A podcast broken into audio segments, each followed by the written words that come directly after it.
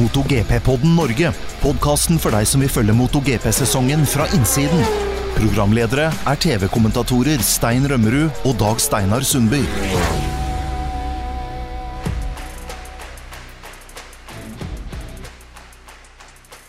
Hei, MotoGP-fans. Hjertelig velkommen til sjuende episode i MotoGP-podden Norge. Jeg heter Stein Rømmerud, og i dag har jeg med meg min kommentatorkollega som er tidligere norgesmester og nordisk mester i roadracing. Eh, og han er eh, sidekommentator på MotoGP-sendingene på Viaplay og V-Sport 3. Nemlig Dag Steinar Sundby. Hei igjen, Dag Steinar. Hei, hei, Stein. Formen er bra? Formen er eh, på topp, så da er vi klar for en ny runde her. Det er veldig bra.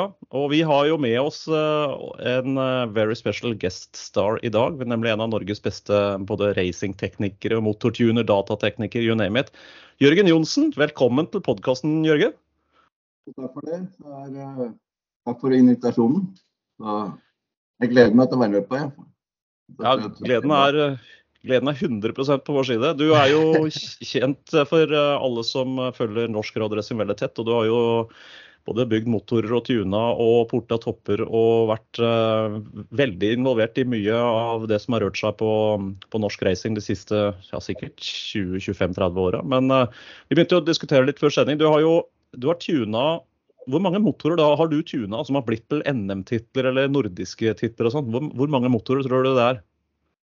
Uh, det er ca. 15, tror jeg. NM, og så er det jo og så er det vel to nordiske titler, én EM-tittel, Scandinavian Open. Ja, det er, det er litt forskjellig. Og noen svenske hvor, mange, hvor mange timer har du brukt i dynobenken i ditt liv? Altfor mye, tenker jeg. ja, det er ikke godt å si, men det blir, det blir noen. Det gjør det. Ja. Si sånn at De tre titlene jeg har, det ble aldri gjort med motor fra Jørgen. da. Så jeg veit ja, hvor bra det er. Han har, han har, skapet fullt av krumma filer, med andre ord. Bøyde filer. Masse bøyde filer. Det er veldig bra. Men du er jo, du er jo mye utenlands for tida. For du er jo nå med et spansk team i Moto 2-klassen der nede, i EM, det som heter Junior GP. Og det er Promo Racing. Det er det teamet som vant med Granado for et par år siden. Så du pendler litt Spania og, og Norge nå. Hva gjør du i det teamet? Det, der, det, eneste jeg gjør der, er å jobbe med elektronikken, med motorstyring. Og i og med at det er sånn som det er med, med Trife-motor i år. Og det betyr at det, det har jo ride by wire, og det åpner jo det for nye muligheter med motorbrems og, og, og sånn torque-mapper. Så det er ganske interessant. Det, det er ja, veldig bra. Vi skal gå ja, det er bra. Vi skal komme litt mer inn på det utover i, i sendinga. Men før vi kommer dit, så skal vi jo uh, se litt nærmere på følgende saker. Vi skal oppsummere Frankrike Grand Prix, som ble kjørt for noen dager siden. Og da må vi også se litt nærmere på VM-tabellen etter sju kjørte VM-runder. Og vi skal selvsagt snakke om Italia Grand Prix, som kjøres på Dag Steinar sin absolutte favorittbane Mugello nå til helga. Eh, vi fikk også nettopp inn en nyhet om at Finlands Grand Prix er avlyst. Vi skal snakke litt om det. Og det er også gryende frustrasjon fra førerne i MotoGP-paddocken nå rundt kontrakter og lønninger. Det er et tema vi må inn på. Men aller viktigst, når Jørgen Johnsen er gjest, så skal vi selvfølgelig dypdykke og nerde oss litt på teknikk som ride height devicer, pneumatiske ventiler og mye annet eh, snadder. Så all mulig grunn til å henge med utover i denne podkasten.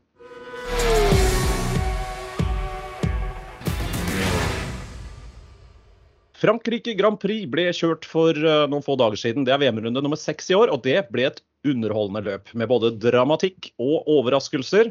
Enea Bastianini tok sin eh, tredje seier i MotoGP-klassen i år. Han vant jo både i Qatar og USA. Han kjører en fjorårs eh, Ducati, en GP21.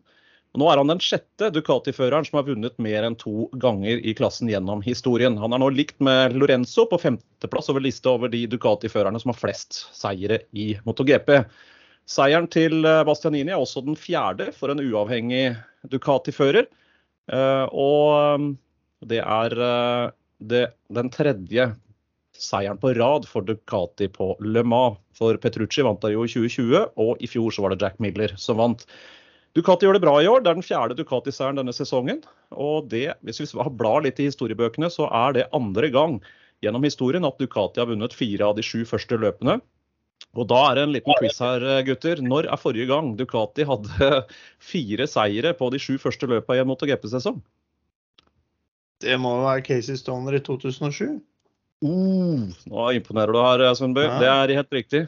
Uh, det, de fire, fire første seirene det året der, det var Qatar, Tyrkia, Kina og Catalonia. Så det er um, 20 poeng. Mm, og, en kald brus, og en kald brus til deg. ja, og da er det ikke noe vits å spørre om hvilket merke det er på den brusen. Nei, det, det blir Flux-soda fra Roma mineralvann, det, vet du. Eh, vi, vi, skal um, snakke litt mer om Frankrike nå. Miller ble jo uh, to. Uh, det var uh, et sterkt løp, men på tredjeplass igjen, hadde jeg nær sagt, Leish Espargaro. Nå har Aprilia og han tre pallplasser på rad. Um, hva syns dere var mest overraskende med det løpet der? Jeg kan begynne med deg, Jørgen. Uh, overraskende var kanskje at Bagnaya ikke klarte presset. Når Bastianine passerte han, da, så, så, så jeg, og da gjorde han jo begynte å gjøre en del feil både før og etter. Og, uh, men jeg leste noe som var ganske interessant her, som Marco Melander kom med. Og det er det at vil Ducati la Bastianini vinne VM-tittelen? Det er litt interessant. Det er, eh, det er forbeholdt eh, fabrikkteamet å bli verdensmester hvis noen dem skal bli mester. Så Det blir litt interessant å følge med på.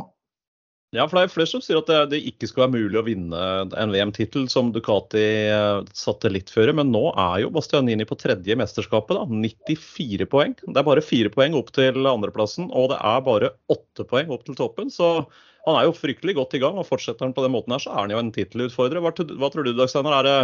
Vil Ducati begynne å uh, gjøre fjernjusteringer på EC-huden her, eller hva? ja, skru igjen krana litt. Eh, nei, men det er jo ja, det er jo hvor, uh, hvor hissige de er på å vinne den der tittelen. Og uh, ja, uansett, så det kan jo være at plutselig så kan det hende de gir eh, Bastianini en oppgradert 2022-modell, og så kanskje ikke det funker så bra. og ja, Man veit ikke. Men de vil jo gjerne ta den tittelen, så det er jo vanskelig. Men jeg er helt enig med Jørgen, vi har sett det før at de, de er jo veldig stolte italienere, og det skal jo være på deres måte. Det er jo fabrikksteamet som skal, eh, skal vinne.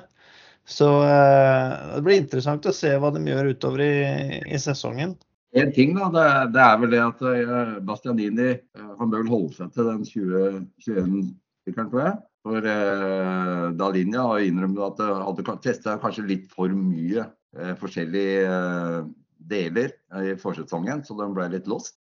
Og Det kan jo tyde på, for det, det, gikk jo som storfavoritter i år. I hvert fall med Magnaya. Mm virker som det løsnet litt òg, da. For i, i forrige VM-runde i Spania da sto Bagnaia pole og vant løpet. Han sto i pole den gangen her og var jo rask, men uh, det er som du sa, han ble kanskje tatt litt av presset der og ble psyka litt ut. Når han først ble passert, så begynte han å gjøre feil og, og gikk på huet like etterpå. Men ser ut som de har brukt tida godt nå, da, de første fem-seks VM-rundene i år. At de har begynt å tune inn den 22-versjonen. Han begynner å fungere bedre enn nå, i hvert fall. Ja, han er vel uh, en del av de innovasjonene som de har testa, har nok gått bort ifra, tenker jeg.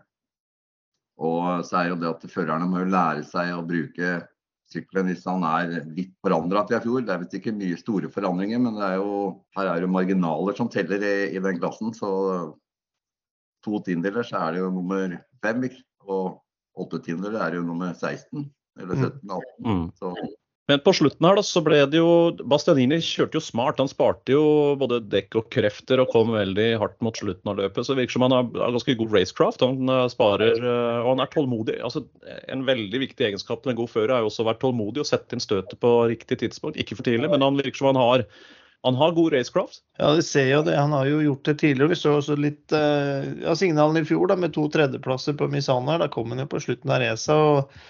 Virker som han klarer også å be, bevare dekka veldig bra. Og så er han jo killer-type, han sånn. Men det skal jo det skal bli interessant å se da hvor mye Ducati vil styre dette, om de eventuelt gjør det. De, eh, ja, det var jo før sesongen Da var det liksom nesten det er Bastianini, eller unnskyld, eh, Bagnaya som skal vinne tittelen eh, liksom for Ducati. Det er jo han er, som er førsteføreren deres. Men nå har de jo bytta litt nå i starten, da, men det har jo fått flyten nå. Men han ble nok stressa, som sagt, i, i racet i Frankrike. Så er det Fabio Quartararo. Leder mesterskapet nå, 102 poeng. Har én seier hittil i år, men han har jo tatt VM-poeng i samtlige løp. Han virker relativt jevn nå. Starta jo litt svakt i Qatar med den niende, og åttende og sjuende i Argentina og USA. Men etter det så har han jo vært på mellom én og fire hele veien. da. Andreplass i Indonesia, vant i Portugal, andre i Spania. Men i Frankrike nå, fjerde der. Eh, han, han hadde aldri tempo helt inne til å kunne fighte om, om pallen. Eh, han, er han for forsiktig nå? Tenker han for mye på sesongen og tar for lite risiko? Ja, Det tror jeg ikke. for jeg må sammenligne han med de andre Yama-førerne. Og han er jo den eneste som, eh, som får til noe på, i år jeg tror at sånn som i begynnelsen av sesongen, så han virka litt mer negativ enn han gjør nå. Nå er det sånn OK, det er det vi har. Vi får gjøre best ut av det vi har. Og det er klart, uh, dette er jo en mental sport. Og hvis ikke, hvis ikke har uh, positive tanker, så er du inne i en negativ spiral. Og det, da går det den veien. Da blir det dårligere og dårligere. Så jeg tror kanskje han utnytter den Yaman til det ytterste. Og vet jo det at eh, OK, jeg har ikke helt tempo i dag til å komme på pallen eller vinne. Jeg gjør det beste ut av det. Litt eh, sånn Eddie Laasen-stil. Ja, jeg tror det også. Og vi så Frankrike. Det virka jo som at de ikke ja, enkelte steder ikke hadde det pulver nok. Eh, at han kjørte veldig bra, men det så ut av svinga så strakk Aleish Spargaron bra med den aprilen. Så han kom aldri nære nok til å fikk utfordra på brems. Så jeg var enig med Jørgen at han, nå har han innsett han får kjøre med det han eh, har, og så gønne på på fullt. For de, ja, de andre Yama-førerne er jo nowhere. De er jo helt bakerst. Og vi så jo i Portugal der, Vi vet jo at han har eh, et handikap på toppspeed, men han hadde jo likevel en vanvittig bra utgang av siste sving der, og fikk eh, så bra utganger at det oppveide jo veldig mye for den mangelen på toppspeed som han hadde der. Er det, er det noe han kan gjenta på Mugello, Dag Steinar? For nå kommer vi jo dit, og der er det ei rettstrekke på 1141 meter. Vi vet jo at eh, Sarko har hatt 362 km i timen der. Eh, det klarer jo ikke den Yaman. Kan han utnytte litt den edge-gripen og svinghastigheten ut av sving 15 på Mugello på samme måte som vi så på i Portugal? Ja, det, det kan nok, men han får nok juling på, på slutten av sletter likevel med ja, kreftene til Ducatin og sånn, men han, det er jo en flow-bane, så han, eh, jeg tror kanskje han vil være nesten mer med der enn eh, å være med å utfordre der sånn. Det er jo eh, noen tekniske partier hele veien hvor det kan funke veldig bra for han. Det, det tror jeg absolutt. Sto i pole der og vant i, i, fjor i hvert fall, får vi se. Det, det virker jo som Yamaha jobber med det de har nå. Motorene er jo låst, de får ikke gjort noe mer med det. Men vi så jo på testen i Jerez at de Bl.a. testa nå noe ny Ero.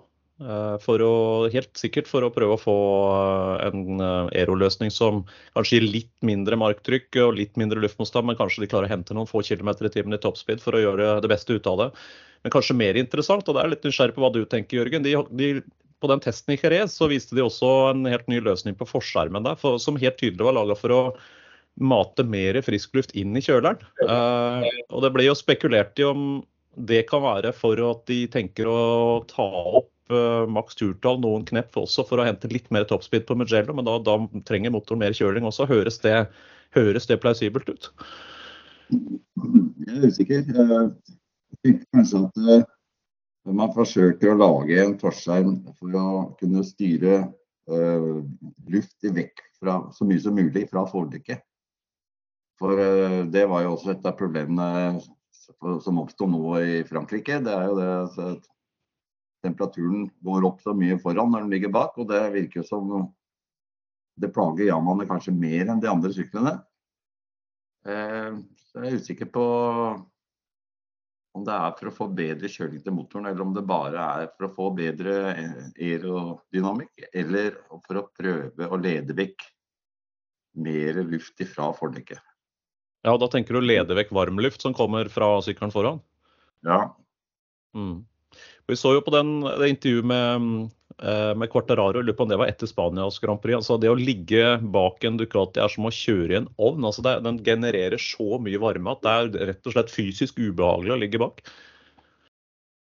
Ja, altså det, eh, det, som er spesielt, er at der, når det ligger en klynge, så ser du, på, på oljetemperaturen på motoren, at den går opp. Nå er vi inne på det her med fordekk og temperatur. og De siste to-tre årene særlig så har det jo blitt utvikla veldig, veldig gode aeroløsninger, som jo skaper marktrykk foran, mer friksjon. og Det har jo Michelin sagt at faktisk er med på å skape nye utfordringer for dem. fordi mer friksjon betyr mer varme.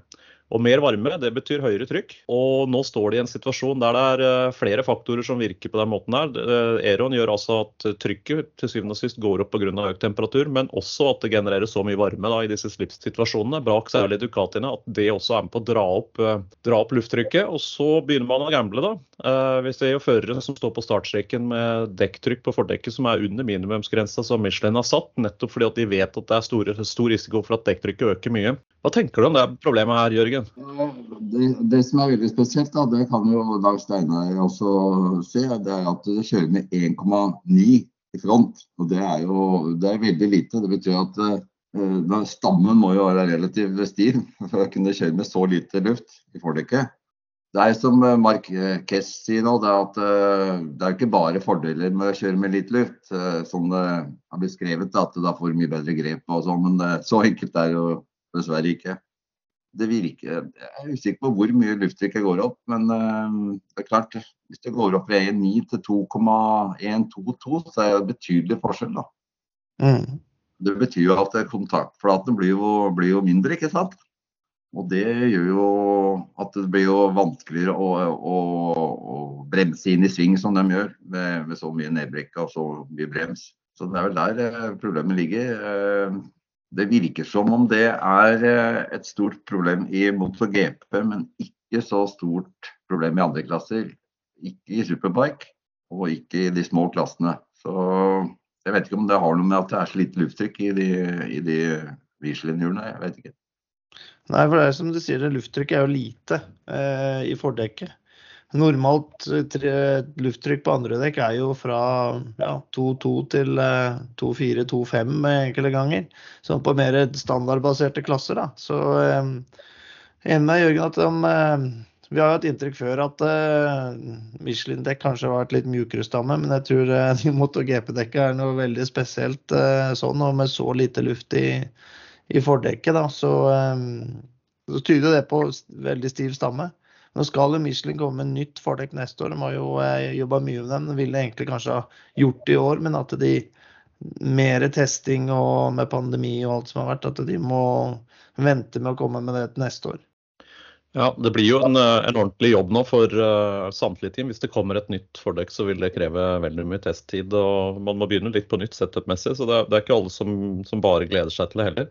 En annen ting som vi vet kommer da til neste år, er uh, godkjente sensorer fra, som, som, alle team må ha uh, på dekktrykk. Og at det blir da håndheva regler rundt minimumstrykk på kalde dekk. fordi her i år har vi jo hatt situasjoner der uh, førere har hatt uh, under minimumsgrensa, sånn som Pekko Bagnaya i, uh, i Spania. Der viste det seg jo etter målgang, når man begynte å lese av dataene, at han hadde jo vært under den grensa som Michelin har satt, som er på 1,9. Men det er jo bare en grense som dekkfabrikanten har satt. Det finnes jo ikke noe straff for å bryte den regelen. Og det er heller ikke inne i det tekniske reglementet for uh, MotoGP-klassen, men det kommer høyst sannsynlig da til neste år. Så her vil det jo bli stramma inn litt, da. Er det, er det riktig? Ja, det stemmer jo. Nå, jo, nå sier jo altså, teamet før at da må jo altså, grensen må jo settes lavere enn 1,9. Eh, Bagnaya hadde jo mellom 1,85 og 1,88, så han er jo ikke langt under. Og det, er, det er som jeg sier, da, altså, går, Si at det går under 1,8, så, så, svinger jo ikke den motorsykkelen i det hele tatt. Det er jo som å kjøre på punktert hjul. Så, det er, en, det er jo satt som en, grense for sikkerhet, da. Men med fordekkene tror jeg ikke det er eh, noen fare for at det skal eksplodere. Så um, det blir vanskelig. Den bør nok sette en grense som er lavere enn 1,9. Mm. Ja, dette kommer egentlig også fra Superbike-VM. Der hadde jo vi at de med Pirelli-hjula, da begynte jo de å kjøre med altfor lite luft bak for å få en liten fordel. Så skjedde jo både med i hvert fall Johnny Rea på Donington ene gangen, så tryna han fordi eh, ja, det vrei seg, løsna på felgen, og så eh, gikk det gærent. Så, der, eh, så de begynte å bli strikte med det, og så ser vi også det i MotoGP nå begynner å bli også en situasjon, da. Så, men med nye, nye, enhetssensorer neste år, så blir det nok eh, Slipper vi den eh, diskusjonen de har om det, og, og testinga der, da. Og, den informasjonen kommer jo fra, fra, fra, et team som sa at de alltid kjører par over, lufttrykk over. Og det tyder jo på kanskje fra at det teamet er et team som ikke er oppe i ledelsen, ikke sant? som aldri ligger alene. Uh, og da, da, sier de med en gang du er bak noen, så, så er det jo aldri under minimum. Uh, og, ja, for. For ordens skyld så får vi jo si at det er uh, den engelske ringreven Matt Oxley som uh, avslørte den saken her. Det såkalte Tiregate. Så får vi komme tilbake til mer info om det da, når det blir, uh, når det blir avgjort de nye reglene og, det ble tatt noen beslutninger der. Vi skal snakke litt om Italia Grand Prix,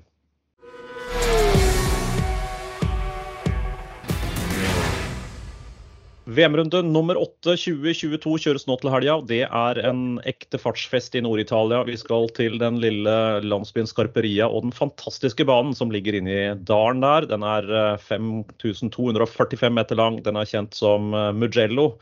Og den har vært arrangør av den italienske VM-runden en rekke ganger. Denne banen er jo veldig populær blant førerne. Den såkalt ekte førerbane med høy snitthastighet og mange herlige svingkombinasjoner. Eh, den er kanskje mest kjent for de ekstreme topphastighetene. Vi har eh, sett eh, i MotoGP-klassen hastigheter her på over 360 km i timen. Men på de offisielle målingene, i hvert fall ifølge de papirene jeg har nå, så står det toppspeed Dovi 2019 356,7 på de offisielle papirene fra Dorna. Jeg tror ikke det er riktig, for jeg mener Sarko har vært over 360 her, Dag Steinar. Ja, litt for 362 han hadde, eller om det var Qatar. Det er jeg ikke sikker på. Men det er uansett grisefort. I 360 km i timen så har man en hastighet på 100 meter i sekund. Og for en som har vært på en fotballkamp en gang, hvis man sitter midt på Ullevål stadion, den er jo drøyt 100 meter, da kan dere tenke dere en motorsykkel som passerer en fotballbane på ett sekund. Så fort går det. Og alle MotoGP-fans dere bør jo ha på bucketlista en eller annen gang i livet og tatt en tur til Mugello, og ikke minst prøve å observere den hastigheten og se hvordan dette ser ut live. For uh, vi var jo og kommenterte live på Mugello for et par år siden, og vi, på fredagen så hadde vi ikke noe kommenteringsjobb, og det er egentlig ålreit, for da kan vi gå litt rundt og være litt turister også, men med pressepass så kommer du ganske nært. Og vi gikk jo da ned til bremsepunktet i enden av langrakka der. Det er jo som sagt over 1,1 km eh, på helt stram vaier. Og da står vi fem meter fra banekanten og ser på nært hold den hastigheten. Du kjenner lufttrykket, du hører det der vanvittige buldringa, samtidig som du har en, en 1000 kubikk MotoGP-sykkel på absolutt fullt turtall på sjette gir over det lille krønet idet de går på brems der. Det er som man får Bare når jeg snakker om det nå, så får jeg gåsehud og nesten tårer i øya. Det er helt rått. Ja, det er, helt ekstremt. og etter å ha kjørt her så mye sjøl og veit hvor fort den svingen kommer med vanlig 1000 kubikk, så kom den mot GP-sykla, hvor seint den bremsa, det var ikke til å tro. Det er helt, eh, helt, ekstremt. Og Når man ser det sånn også, så slår det i hvert fall meg hvor presise de er. For du ser førerne da på et pass på ti runder, så de bremser på nøyaktig samme punkt hver gang. Og de treffer klokkereint på Apex inn i, inn i sving 1 i San Donato. Uh, gang etter gang etter gang. Og det er så presist at jeg er sikker på hvis du hadde malt en liten prikk på asfalten, så hadde førere som Quartararo eh, truffet den prikken hver eneste gang. Så det, det er helt eh, det er ekstremt bra.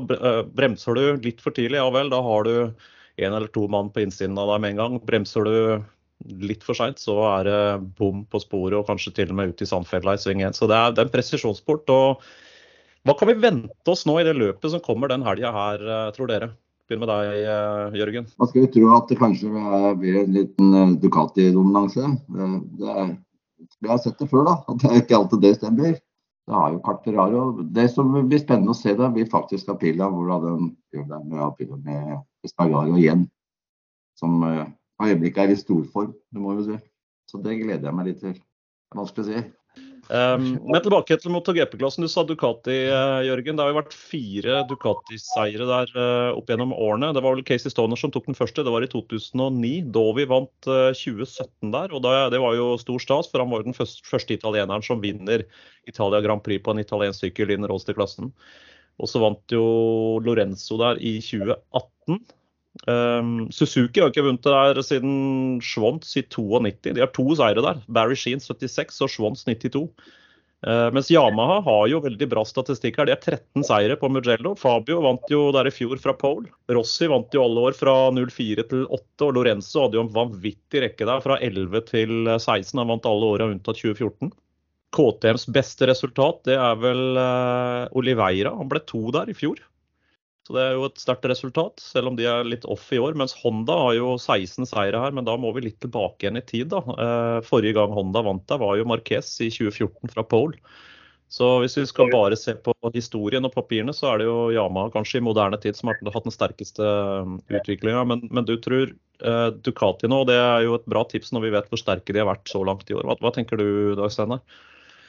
Jo da, det er jo Vi har jo sett eh, også når vi har, eh, har vært der og fått tusla litt i pit lane og sånt. og Det er jo et veldig trøkk på Ducati der, og de legger på litt, eh, litt ekstra, virker som når de er på hjemmebane. og nå blir det jo ni Ducatier der sånn nå i helga, med Piro som, som wildcard også. Så selvfølgelig blir de blir sterke. Men det er som Jørgen sier, skal ikke glemme Aprilia heller, som jeg har sett har har bra trøkk i motoren, funker veldig bra. Alej Spargaro er jo sitt livs form og uh, fått det her til å funke. Og så har du Quartararo um, Jeg veit ikke med Suzuki før hvordan det er der. Det virker jo med alt som har skjedd der at det er uh, Ja, det spiller jo inn på førere også. De gjør jo det helt klart. De trodde jo hadde framtida kan si, sikra og sånn. Og nå så vi Le Mans. Det ble jo en ordentlig nedtur med alt det andre som har skjedd. Så jeg veit ikke åssen det er for eh, ja, hvor bra de føra er egentlig på. liksom. Det har skjedd så mye ved siden av.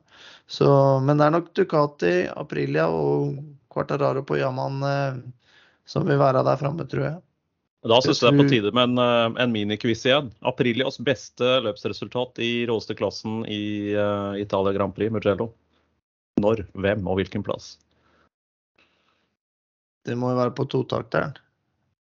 Ja, det er ikke så gærent tippa, det. Nei, jeg veit ikke. Det er ja. 2000. Jeremy McWilliams, tredjeplass.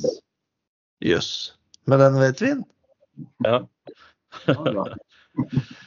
Men det er litt gøy da, når du blar i historien på Mugello. Uh, første løpet der var jo 76. Da vant Barry Sheen 500-klassen. Han vant med ett tidel foran Phil Reed. Uh, det var et løp som varte over en time. Men på den tida så var det jo Suzuki som dominerte. da. Uh, og det som er litt morsomt, den første ikke-Suzukien, det var Verum Børge Nilsen. Han ble tiende på en Yamaha i 76 i 500-klassen. Dansk mm. fører. Børge Nilsen? Ja. Han var ikke liten heller. Så det, det han, var ikke, ikke sånn super, han var ikke sånn feddert, men han var ganske, ganske Røslig. Ja. det er morsomt, fordi på den offisielle Dorna-statistikken så kommer det der som fun fact hvert eneste år. Jeg ante ikke hvem Veren Børge Nilsen var, så jeg måtte begynne å sjekke. Han har ikke så ja, det, det, er liksom det han har for. da. Beste ikke-Suzuki på Mugello i 76 på tiendeplass med Yama. Ja, men uansett. Det er den 36. Veldig god nasjonalt. Altså, han kjørte veldig bra uh, hjemme. Han kjørte jo RGB 500 etterpå, vet du. Så, mm. jeg husker han veldig bra. Men det er, som sagt, det er 36. gang det kjøres Italia Grand Prix da, på Mugello. Um, og det var jo 29 på rad fra 91 til 2019. Det var jo Misano som arrangerte Italia Grand Prix i 91 og 93. Um, Uh, og Mugello hadde også noe som heter Nations Grand Prix i 76, 78 og 85. Og San Marino Grand Prix har også blitt kjørt på Mugello. Det var uh, fire ganger fra 82 og siste gang det var, var i, i 93.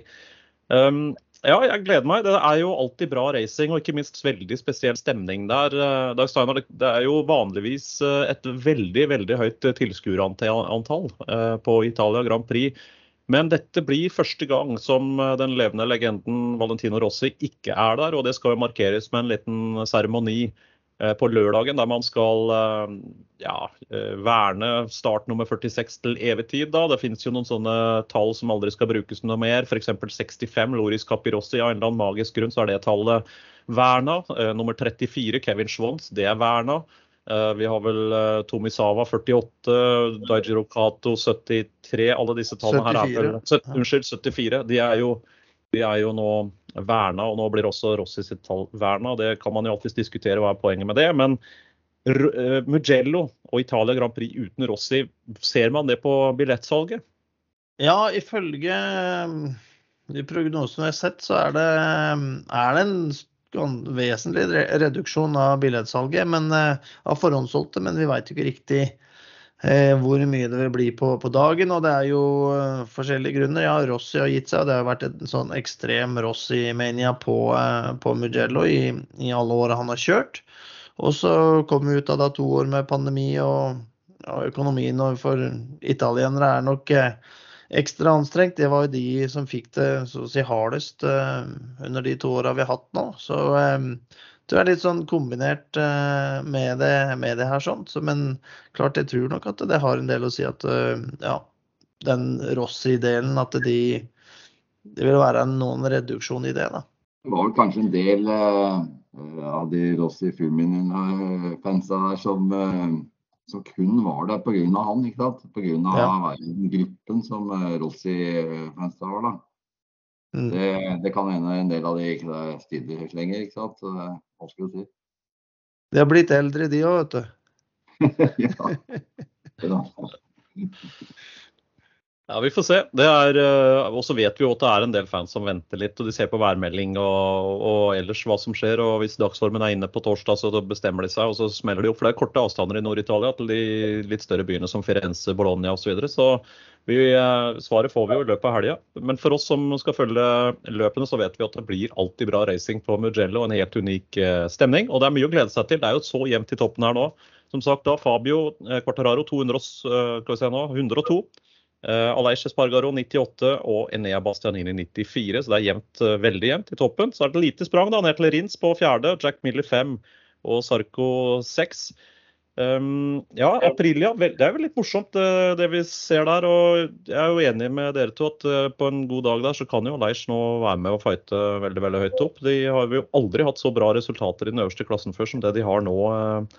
Fabrikken fra Noale der. De kan faktisk nå få fire pall på rad eh, hvis han kommer på pallen igjen. Han har jo tre på rad nå. Det, det er imponerende for en såpass eh, ressurssvak og liten fabrikk tross alt som dette er, da, sammenlignet med noen av de andre. Ja, det imponerer jo stort. Har gjort det og har jo fått dette virkelig bra til. Og det hjalp jo.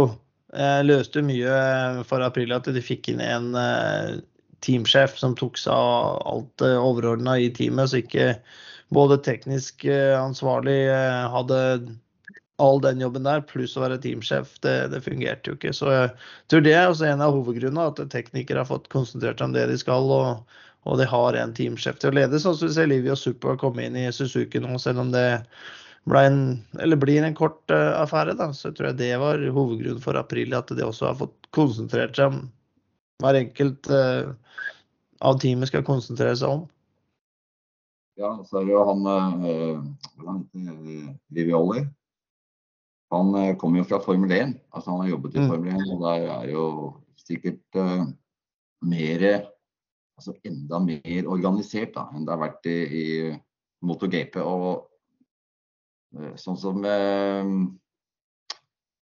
det er klart at han har jo da altså han har jo erfaring med, å, med, med ledelse og erfaring med å, å å dele opp i de gruppene og få samarbeid, tror jeg. ikke sant? Det er, det er det som ofte har vært eh, problemet. Bl.a. i Ducati tidligere år så var det jo det var ikke nok samarbeid mellom uh, det teamet som var på banen og det teamet som jobba i, i, fabrikken. Uh, litt som kanskje de japanske fabrikantene sliter med. Og det, det, tror jeg kanskje han har fått til, at han mikser litt bedre. At eh, det er mer involvert på fabrikken med teamet, og vice versa. Det er alltid bra at ingeniører kan være med og, og virkelig se hva som skjer på banen. Mm. Ikke bare å mm. få dataer og rapporter. Ja, for Ducati har vel også hatt en rullering av de som er inne og de som er ute på banen. Eh, for noen av de har de ikke det? Jeg tror det begynte med, med Dalinja, at han ja. ville ha mer, altså, mer samarbeid. Altså blande, blande, gruppene mer. Ja, det blir mer teamfølelse, og alle drar samme veien. For det har jo tidligere vært Særlig fra Ducati. Da var det jo teknikere inne og konstruktører der inne. De, de skyldte på teamet ute på banen, og teamet på banen skyldte på de på fabrikken at ting ikke fungerte. Jeg bør, jeg bør kanskje ikke si det, men uh, det er et team i Superbike-VM som jobber litt på den måten nå. Mm. Ikke si hvem det er, men jeg kan jo tenke det selv. Ja. det er Europeisk. ja, veldig bra. Nei, men Massimo Rivola som du var inne på, han, jo, han hadde vel 16 år i Formel 1. De siste ti åra var, var, i Ferrari, faktisk, før han da ble headhunta inn som, eh, som motorsportdirektør da, i, i april. Så det ser vel ut til å ha gitt noen resultater der. Um, vi skal uh, gå litt uh, inn på noen nyheter nå, og så skal vi snakke litt om, um, om et par tekniske ting som vi har fått spørsmål om fra podkastlytterne våre.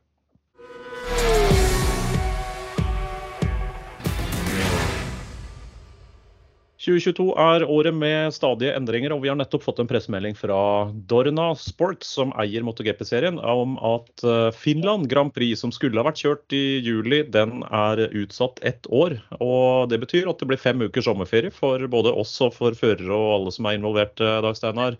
Er du overraska? Nei, jeg er egentlig ikke det. For det har ligget litt i korta lenge, og vi har jo fått uh, ja, rapporter og rykter om det at banen ikke er er klar med fasilitetene rundt. Da. Det, det, er, det er det. også er det litt eh, ja, motvilje fra særlig de mindre teamene på kostnadene. Eh, for å reise så langt nord, egentlig. Mm, snakker ikke om fabrikksteama mot GP-klassen, men de resten av Moto 2 og Moto 3. Det er litt sånn geografisk at vi Ja, det er, det er dyrt for de. Eh, og kjøre og komme Finland med ferje og alt, så kan vi si at det, hvorfor det, når det er eh, de reiser veien rundt. Men når de reiser veien rundt på flyway races, så får de støtte av Dorna. Det får de ikke når de skal kjøre trailerne sine til et land i Europa. Så, eh, så det har vært litt sånn eh, Det har nok vært tungt for Kymring å komme i mål. Og, og den situasjonen som vi er inne i nå, med krigen også, så det var forventa hoveddelen nesten var forventa av russiske fans som skulle komme over grensa og, så, og på race. Eh, det var der hovedtyngden av publikum var beregna. Og eh, også for Dorna å få ta tak i den, de russiske fansa uten å måtte ha et race i, i Russland. Da. Men nå er jo alt det stengt. Så da får vi uh, følge med. Det kan jo hende at de kommer på kalenderen igjen til neste år. Det er uansett en fin bane. 4650 meter lang og har allerede arrangert én test. Så det har vært eh, testteamene til de fleste av fabrikkene har vært der og kjørt for å sanke litt data og få førsteinntrykk. Men det var også selvfølgelig veldig viktig for Dorna for å få testa både kameravinkler og at tidtagerutstyr, mellomtider osv. sektorer er riktige. Men um, det har vært litt snakk i depotet om at uh, dette ikke er en sånn helt optimal bane for uh, MotoGP-sykler. Det ryktes jo om at det er mye første, andre og tredje gir der.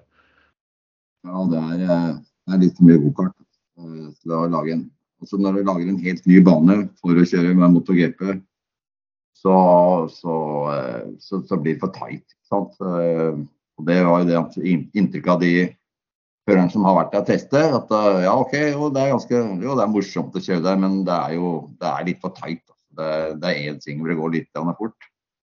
Og nå er det sånn at uh, nesten alle førere liker å svinge hvor det går litt fortere, ikke sånne 90 graders uh, førstegirsvinger.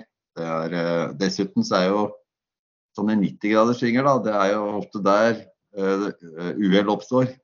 Både innbremsinger og ut. Så det var vel ikke sånn superpositive, de som var og testa der. Det virka ikke sånn. Vi får se hva som uh, sannheten bringer. Vi har ennå ikke fått noen offisiell kalender for 2023, det er for tidlig. Men uh, vi får uh, håpe da for finnene og for nordiske motorsportfans at vi får en VM-runde på, på, disse breddegrader igjen. Det er for tidlig å si. Vi håper på det beste.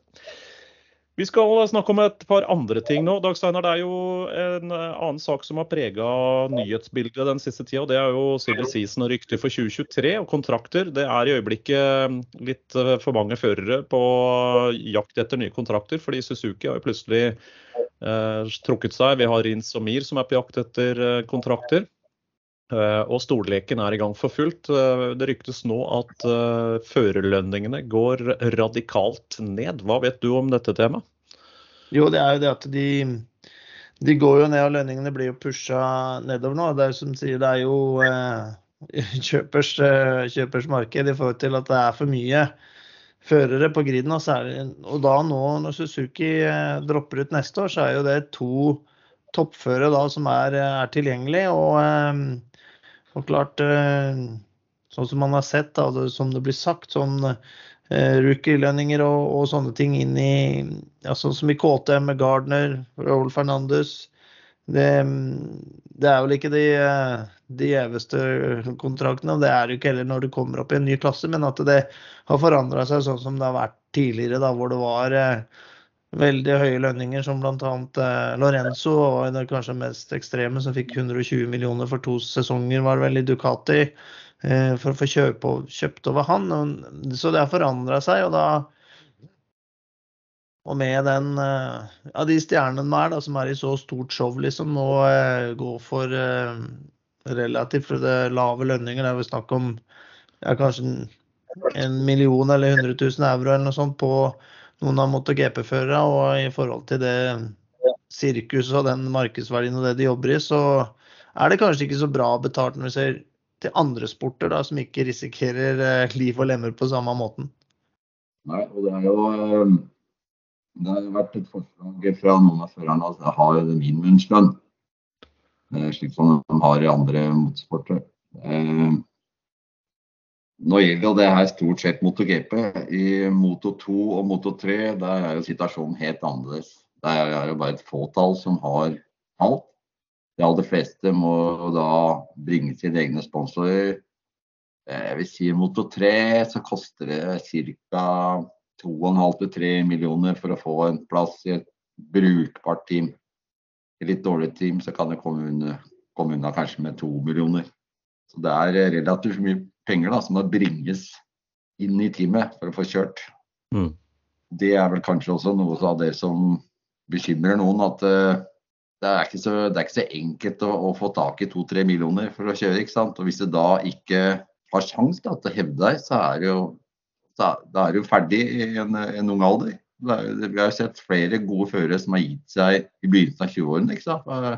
Sant? Det klarer ikke å skaffe nok penger, og da er de ikke interessert i å gå tilbake og kjøre nasjonale mesterskap. Og det har vært gode førere som bare har gitt seg.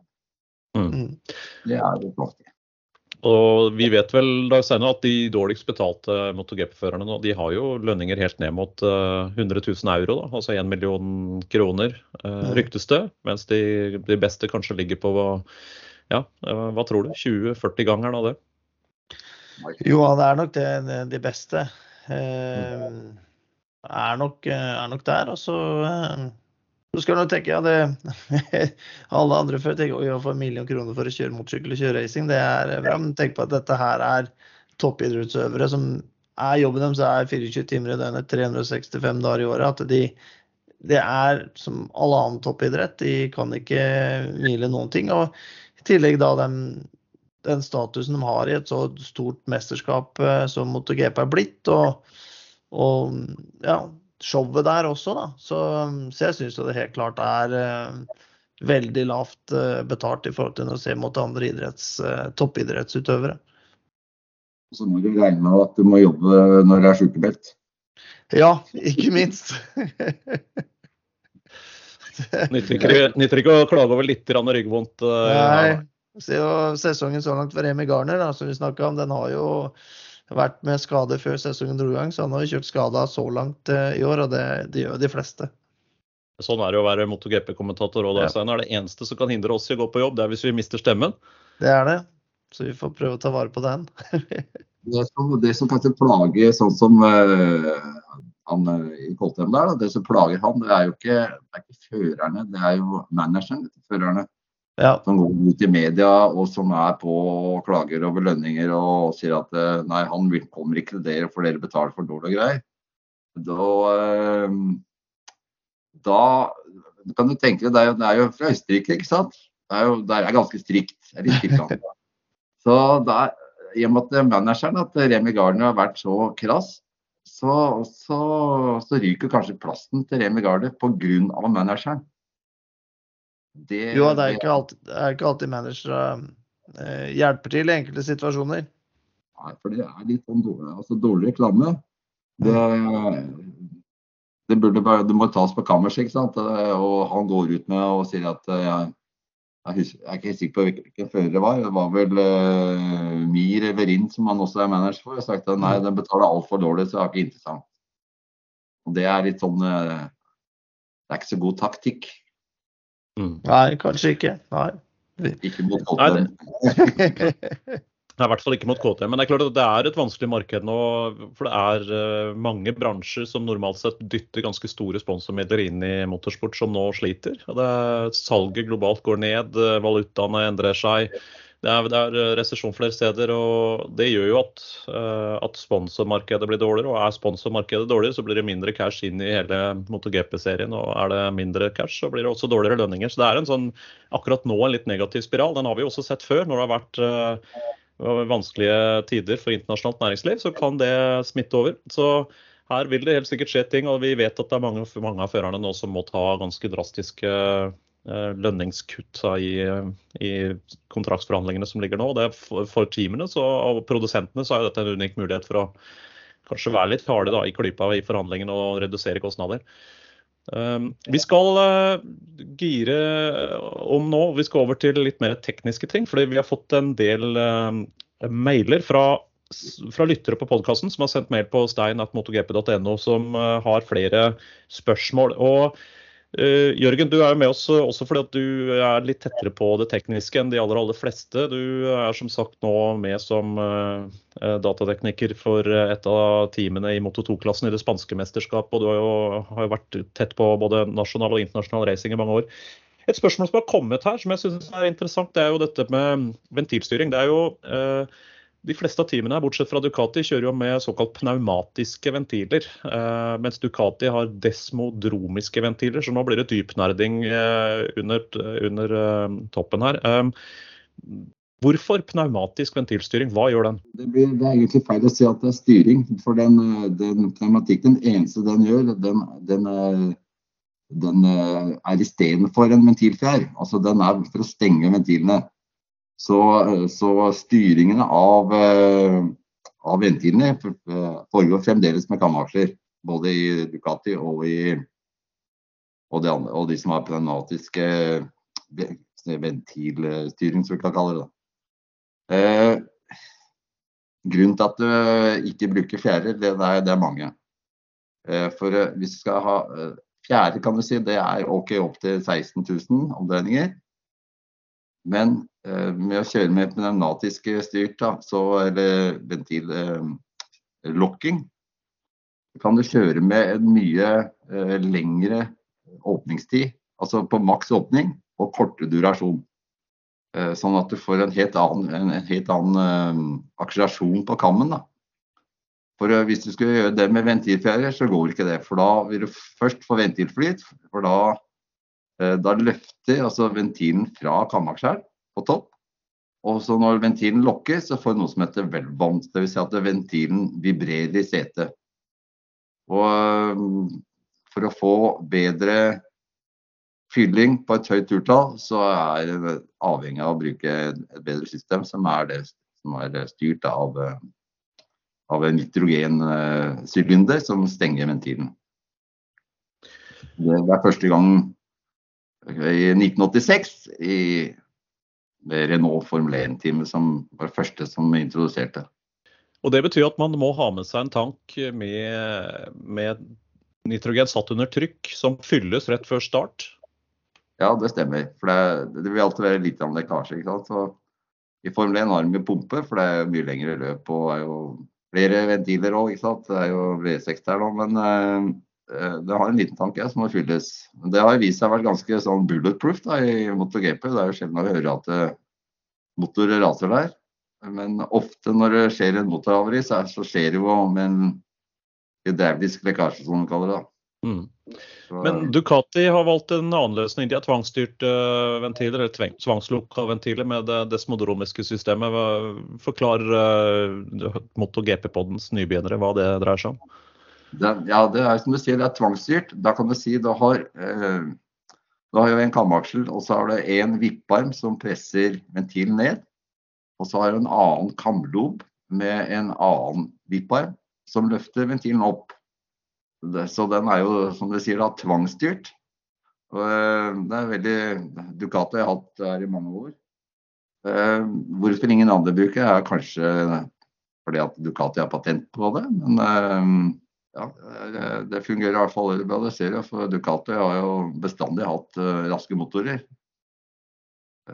Om det har vært Om det er alt som skal til for at Ducati skal være bedre, det tror jeg ikke. Men si, det, det, virker jo på samme måten. Det som er eh, kanskje fordelen da, med, med Pneumatic, det er at eh, systemet er lettere.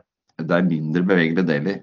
Så det er eh, pros and cons sikkert med begge, begge systemer, men eh, det er det, det er dere avhengig av for å få den fyllingsgraden som eh, du trenger for å få ut 250-60-70 hester ut av 18 000-19 000 omdreininger, så er du nødt til å ha det. Ellers så hvis du hadde brukt ventilfjæra på det, så hadde du hatt absolutt null mellomregister og null bånddrag. Mm. Du måtte hatt så lang åpningstid. ikke sant? Og det, den stjeler vel litt effekt også, ei stiv ventilfjær som skal komprimeres? Ja, det gjør den. Det gjør vi selvfølgelig. Men det er, det blir litt, det er litt uh, avhengig av motortype. Hvis du har en, uh, en vanlig standard rekkefirer som ikke blir brukt, så, altså en uh, som ikke er en sånn crossplane-type, så, så, vil jo noen ventilfjærer hjelpe til, mens de andre er, har friksjon. ikke sant? Det er noen som da løfter opp gammen igjen. Men uh, det er uh, helt klart en fordel med friksjon og med, pneumatikk, for da er det jo mer trykk når du trenger det, når kammen er på maks, og mindre, og ikke mer enn nok trykk enn det som trengs for å holde ventilen stengt. Bra. Vi har fått et spørsmål fra en som heter Martin Bø. og Han spør eh, hei, bygger teamene opp motorene mellom hvert løp og gjør de endringer på girkasse for å optimalisere utvekslinga mot uh, hver enkelt bane? Nei. Nei. Motorene er ferdig bygd før første løpet og er, eh, blir da plombert. Det blir ikke plombert med en gang, men det blir plombert før den blir tatt i bruk. Og det er den motoren som, som er homologert før sesongen, den må være Alle de Er det sju motorer nå?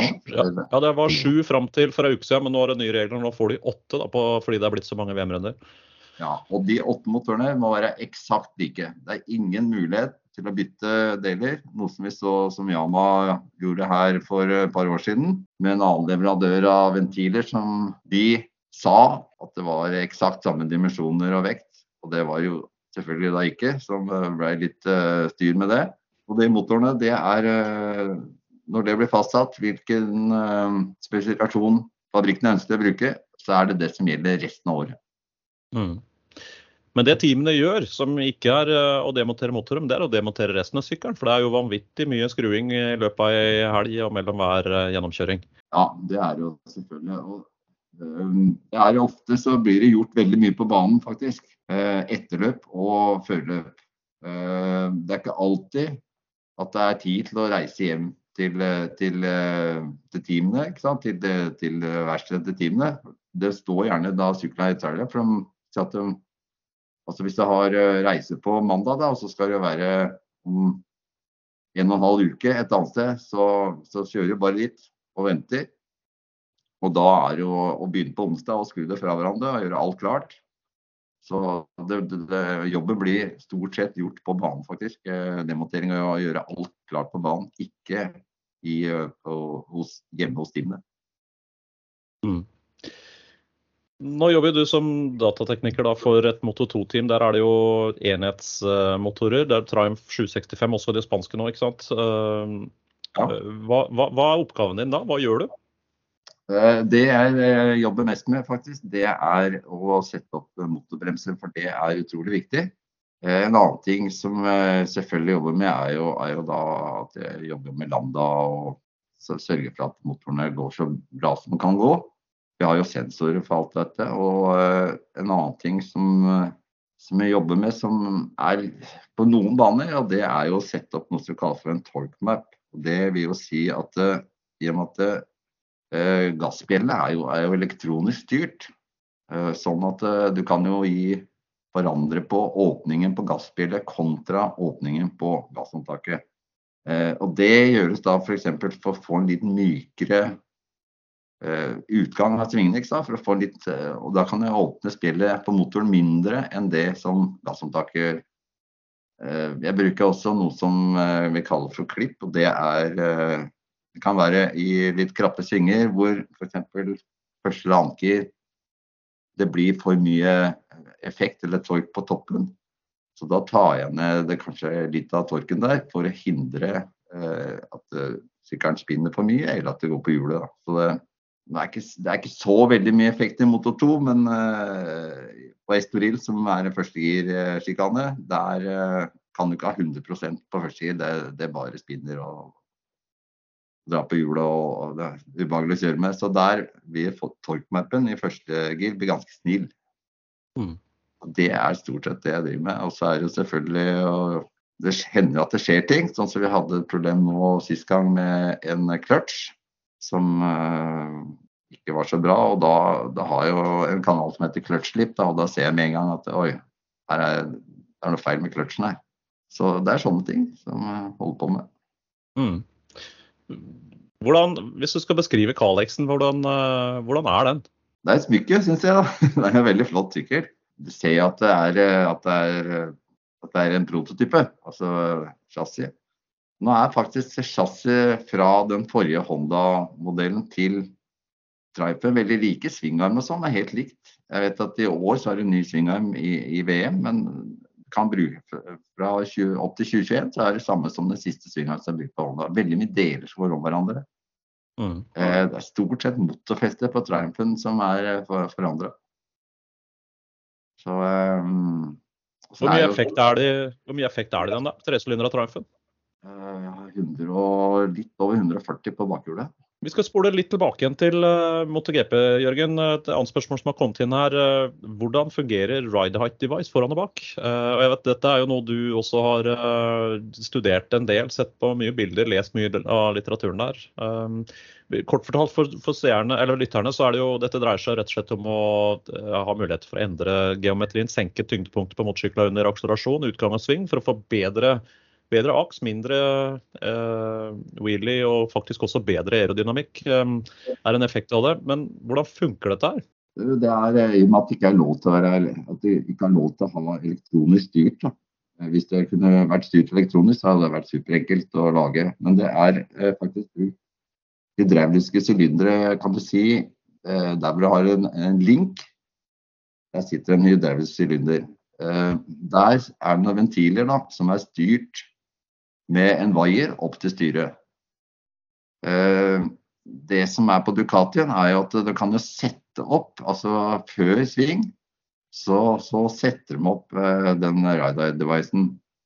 Eh, og det vil jo si, når, når sykkelen da er sammenklemt midt i svingen, så, så hekter den seg opp. Og på samme måte skjer det når, når den går ut av sving. Når den da blir pressa litt mer ned, så spretter den opp igjen.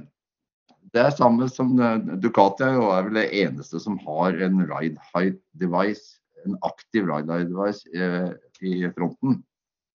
Eh, det er også en hydraulisk sylinder som, som holder igjen at forgaffelen ikke går helt ut.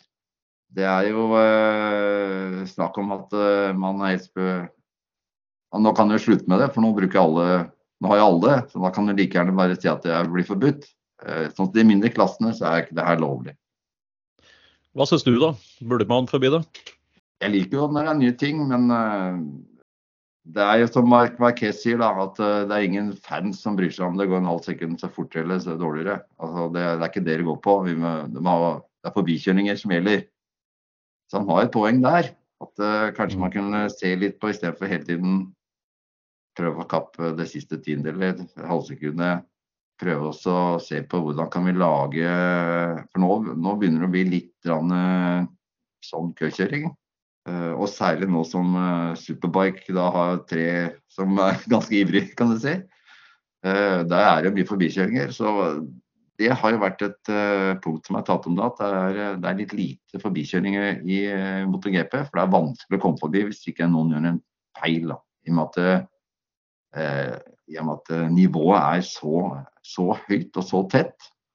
Og at syklene da så, har så mye tekniske ja, med Aero og Raidar-device så det gjør det veldig vanskelig å passere andre. Mm. Og nå har det jo oppstått et nytt problem i år også med det man kan kalle dirty air, rett og slett. At man får turbulens og det kan bli utfordringer. Så jo eh, krasjen til eh, Rins, eller da måtte styre rett over eh, Dunlop-sjikana der i, på Lømma. Det ble jo sagt etterpå at det var pga. at han kom ut av slipstream og inn i dirty air og mista trøkket helt i fronten. Så Eh, han klarte ikke turnen i sving 2 der. Men vi får se. Det diskuteres jo masse nå da, rundt om man skal endre disse reglene eller ikke. Både når det gjelder Aero og Ride Out Device. Jeg er jo tilhenger av best mulig racing, så vi får se om det kanskje kommer noen endringer etter hvert. Jørgen, tusen takk for at du tok deg tid til å være med oss. Det var veldig interessant. og Jeg vet at det er mange av lytterne våre som også setter pris på det. Så det kan godt hende at du får en invitasjon igjen senere også til å være med på poden.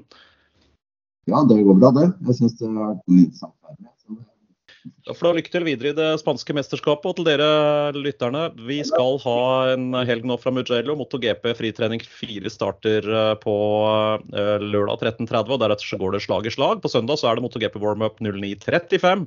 Løpene starter klokka 11 for Moto 3, Moto 2 er 12.20 og MotoGP klokka 2. Alt sammen live på Viaplay og V-Sport 3, så det var det vi rakk denne gangen.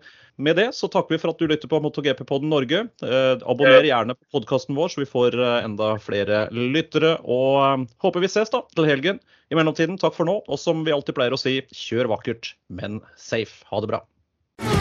Du har hørt MotoGP-podden Norge med programledere Stein Rømmerud og Dag Steinar Sundby.